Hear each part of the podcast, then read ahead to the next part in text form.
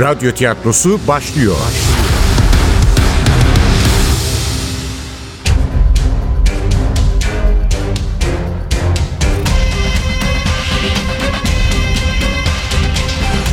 Sultanı Öldürmek 48. Bölüm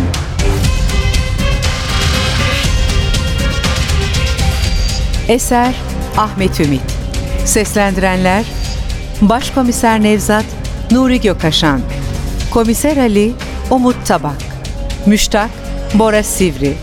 Komiser Zeynep Dilek Gürel. Efektör Cengiz Saral. Ses Teknisini Ozan Akıncı.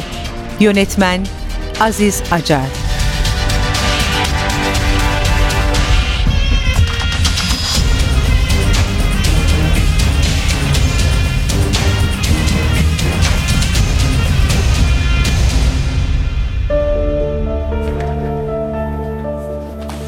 Merhaba Müştak Bey.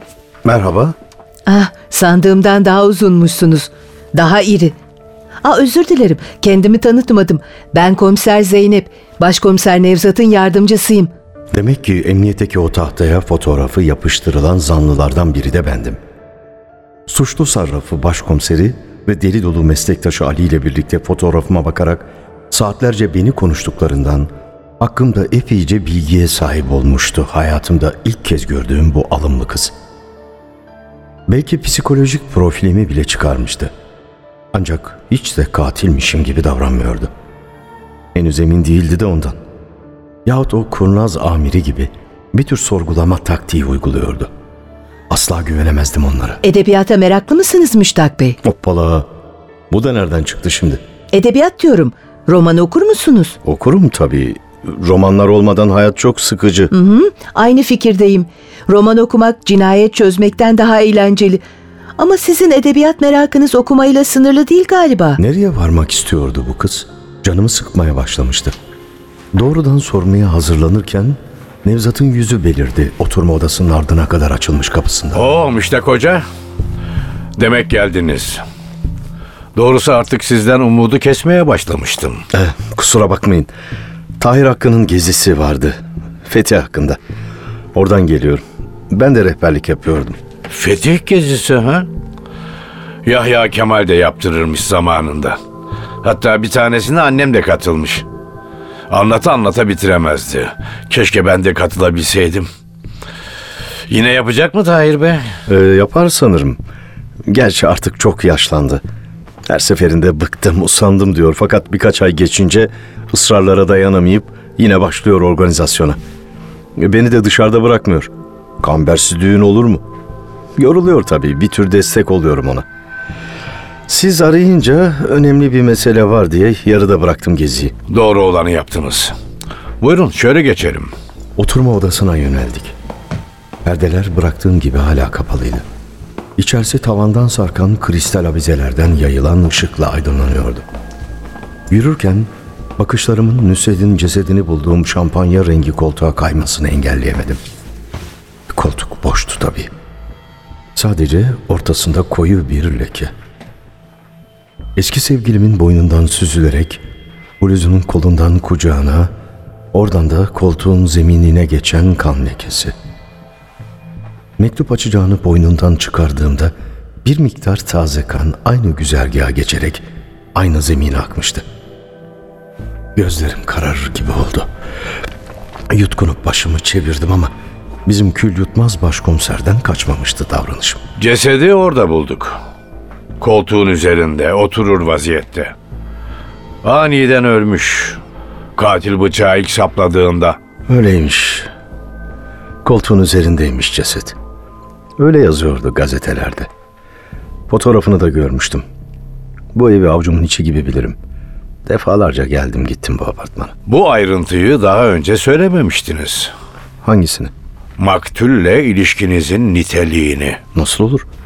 Nusret'in en yakın dostum olduğunu söylemedim mi? Evet yakındık dediniz ama Nüset Hanım'ın eski sevgiliniz olduğunu söylemediniz. Hem de ne sevgili.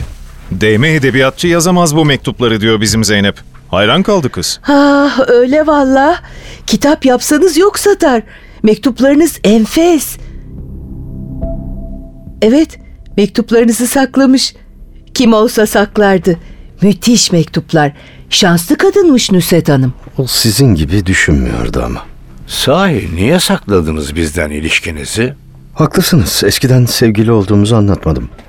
Atladığımdan filan değil. Bilhassa sakladım. Mazide kalmış bir ilişkiye saygımdan.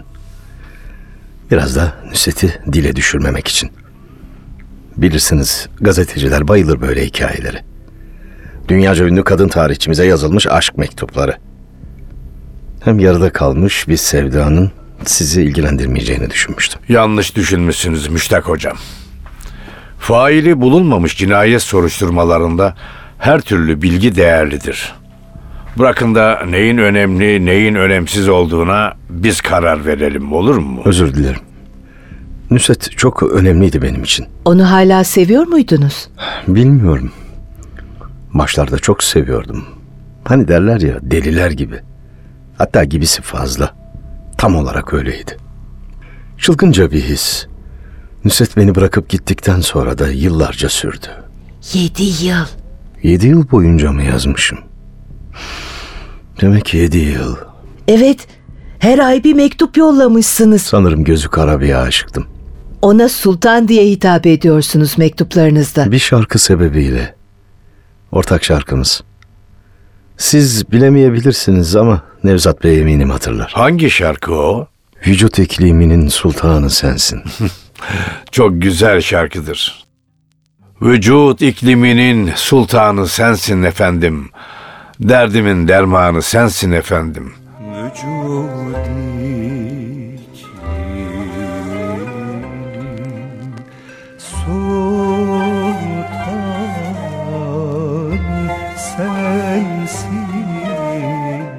Hacı Arif Bey bestesi. Nihavent'ti değil mi? evet, Nihavent. İkimizin ortak şarkısıydı. Sultan lafı oradan kaldı. Ama sonra bırakmışsınız. Yazmayı diyorum.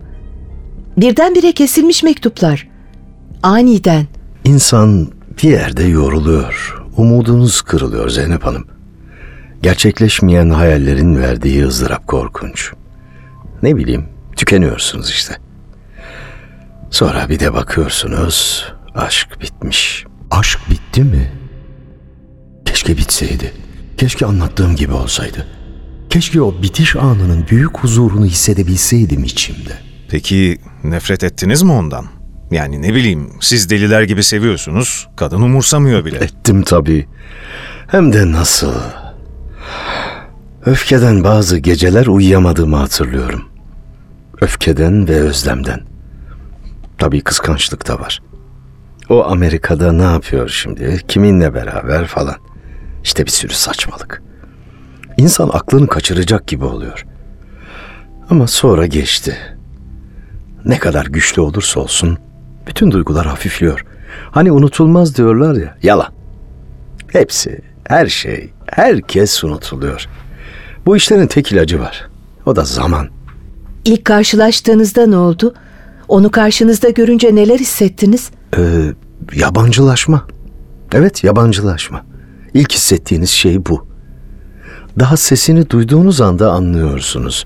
O artık yıllar önce aşık olduğunuz kadın değil. Zaman bambaşka biri yapmış onu. Yabancı, uzak biri. Hayal kırıklığı mı yaşadınız? Karışık duygular Zeynep Hanım. Hem hayal kırıklığı hem sevinç. Bir yandan üzülüyorsunuz. Ben bu kadını mı sevmiştim diye. Bir yandan seviniyorsunuz. Onu unutmakla iyi bir şey yapmışım diye. Ya mesleki kıskançlık ne de olsa o da sizin gibi bir tarihçi. Üstelik çok başarılı bir tarihçi. O da var belki ama ben hiçbir zaman hırslı bir adam olmadım. Sevdiğim için tarih okumuştum. Geçmişte yaşananları çözmeye çalışmak. Sisler ardındaki hakikate ulaşmak. Zevkli iş. Tarihçiliğin kariyerime getireceği katkılardan çok şu hakikate ulaşmak kısmını seviyorum. Yeni vesikalar bulmak, onları okuyup küçük detayları fark etmek, böylece bildiğimizi sandığımız bir olay hakkında hiçbir fikrimizin olmadığını anlamak. Bu çabanın kendisi güzel. Aslında sizin yaptığınız işe benziyor biraz. Gerçeğe ulaşmak, muammayı çözmek, katili bulmak. Elbette birebir aynı değil. farklılıkları var.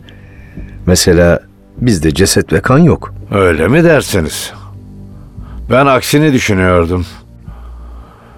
Kan çoktan kurumuş olsa da, cesetlerin sadece kemikleri kalmış olsa da, sizin mesleğiniz bizimkinden çok daha korkunç, çok daha vahşice işlenmiş cinayetleri konu ediniyor. Mesela beni ele alın. Yıllardır bu meslekteyim ama sadece Otlukbeli Savaşı'nda ölen insanların sayısı bile benim çözmeye çalıştığım cinayetlerden yüzlerce kat fazladır. Öyle de denebilir Nevzat Bey. İnsanlık tarihinin toplu cinayetlerden başka bir şey olmadığını söyleyen pek çok tarihçi var.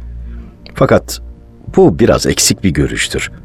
Tarih boyunca insanlar birbirlerini öldürmenin dışında başka işler de yapmışlardır. Ama eski sevgiliniz sanırım e, birinci kısmı ile ilgileniyormuş. Hem de aile içi cinayetlerle. Hani şu Roma İmparatorluğunda yaygın olan gelenek. Neydi o İngilizce kelimeler? Patricide, filicide, fratricide. Yani baba katilliği, oğul katilliği ve kardeş katilliği. Buyurun şöyle Nüset Hanım'ın çalışma odasına geçelim. Size göstermek istediğim bir şeyler var. İki gece önce panik içinde koşturduğum dar koridora girdik. Nusret'in yatak odasının kapısı kapalıydı. Banyonun önünden geçerken o acı menekşe kokusu çalınır gibi oldu burnuma. Aldırmadım çünkü çalışma odasında parmak izlerimin bulunmuş olabileceği endişesi düşmüştü aklıma. O karanlık saatlerde oraya girdiysem eşyalara dokunmuş olmam büyük ihtimaldi. Belki de o izlerden birini bulmuşlardı. Birden saçmaladığımı fark ettim. Parmak izi öyle gözle saptanacak bir şey değildi ki. Öyle olsa beni laboratuvara çağırmaları gerekirdi. Hayır. Yine paranoyaya kapılmıştım. Yine suçluluk duygusunun yarattığı anlamsız kuşku. Odaya girince kendimi bir anda Fatih Sultan Mehmet'in huzuruna çıkmış gibi hissettim. Sezgin'in de söylediği gibi Nüset adeta bir tapınağa çevirmişti burasını. Pencereye yapıştırılmış saman sarısı kağıtların üzerindeki çizimler ilgimi çekti önce. Dışarıdan vuran gün ışığı doğal bir hacivat karagöz perdesi oluşturuyordu camın üzerinde. Perdeye yaklaştım. Bir çocuğun elinden çıkma olduğu hemen anlaşılan naif çizgiler. Bir at başı, bir baykuş, keçi mi şeytan mı olduğu anlaşılamayan bir mahluk. Yarım bir ay, Tuğra denemeleri, Arapça, Yunanca ve Latince harfler. Ders sırasında yapılan çizimler, lisan öğrenme çalışmaları. Fatih Sultan Mehmet'in çizimleri mi? Öyle olduğu sanılıyor. Bu tür belgeler gerektiği gibi tasnif edilmediğinden emin olmak zor. Ama bu çizimlerin 2. Mehmet'in kaleminden çıkmış olması muhtemel. Yedi dil birden biliyormuş öyle mi? İngilizce, Fransızca, Rusça. İngilizce mi? İlahi Ali. O zaman İngilizceye ne gerek vardı? İngiltere o sıralar önemli bir devlet değil. Amerika bile henüz keşfedilmemiş. Osmanlıca çok daha yaygın bir dil. Değil mi hocam? Nevzat Bey haklı. 15. yüzyılın ilk yarısında İngilizler yüzyıl savaşlarını sonlandırmaya çalışıyorlardı. İngilizce günümüzdeki gibi bir dünya dili değildi. Ama Fatih'in Türkçe dışında Arapça, Farsça, Yunanca, Slavca bildiği söylenir. Fatih İstanbul'a alınca üç gün yağma emri vermiş diyorlar. Doğru mu hocam? İslamiyet'e göre gazadan elde edilen ganimet helaldir Ali Bey. Üstelik askerlerin çoğu için ganimet bu ölümcül savaşta teşvik edici bir anlam taşır. Fatih'in iki kez teslim olun diye haber yolladığını ama İmparator Konstantin'in kabul etmediğini de söylememiz gerek. Şehir düşünce de askerlerine verdiği söz üzerine yağmaya izin vermiş Fatih. Fakat şehirdeki halka acımasızca davrananlar zenginliklere el koyanlar olmuş. Fatih ikinci gün şehre girerek bu talanı durdurmuş. Yağma emri verdiğine pişman olmuş.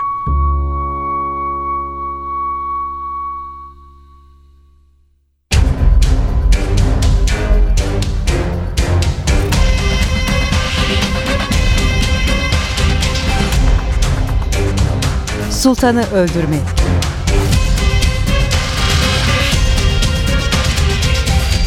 Eser Ahmet Ümit. Seslendirenler Başkomiser Nevzat Nuri Gökaşan Komiser Ali Umut Tabak. Müştak Bora Sivri. Komiser Zeynep Dilek Gürel. Efektör Cengiz Saral Ses Teknisini Ozan Akıncı. Yönetmen Aziz Acar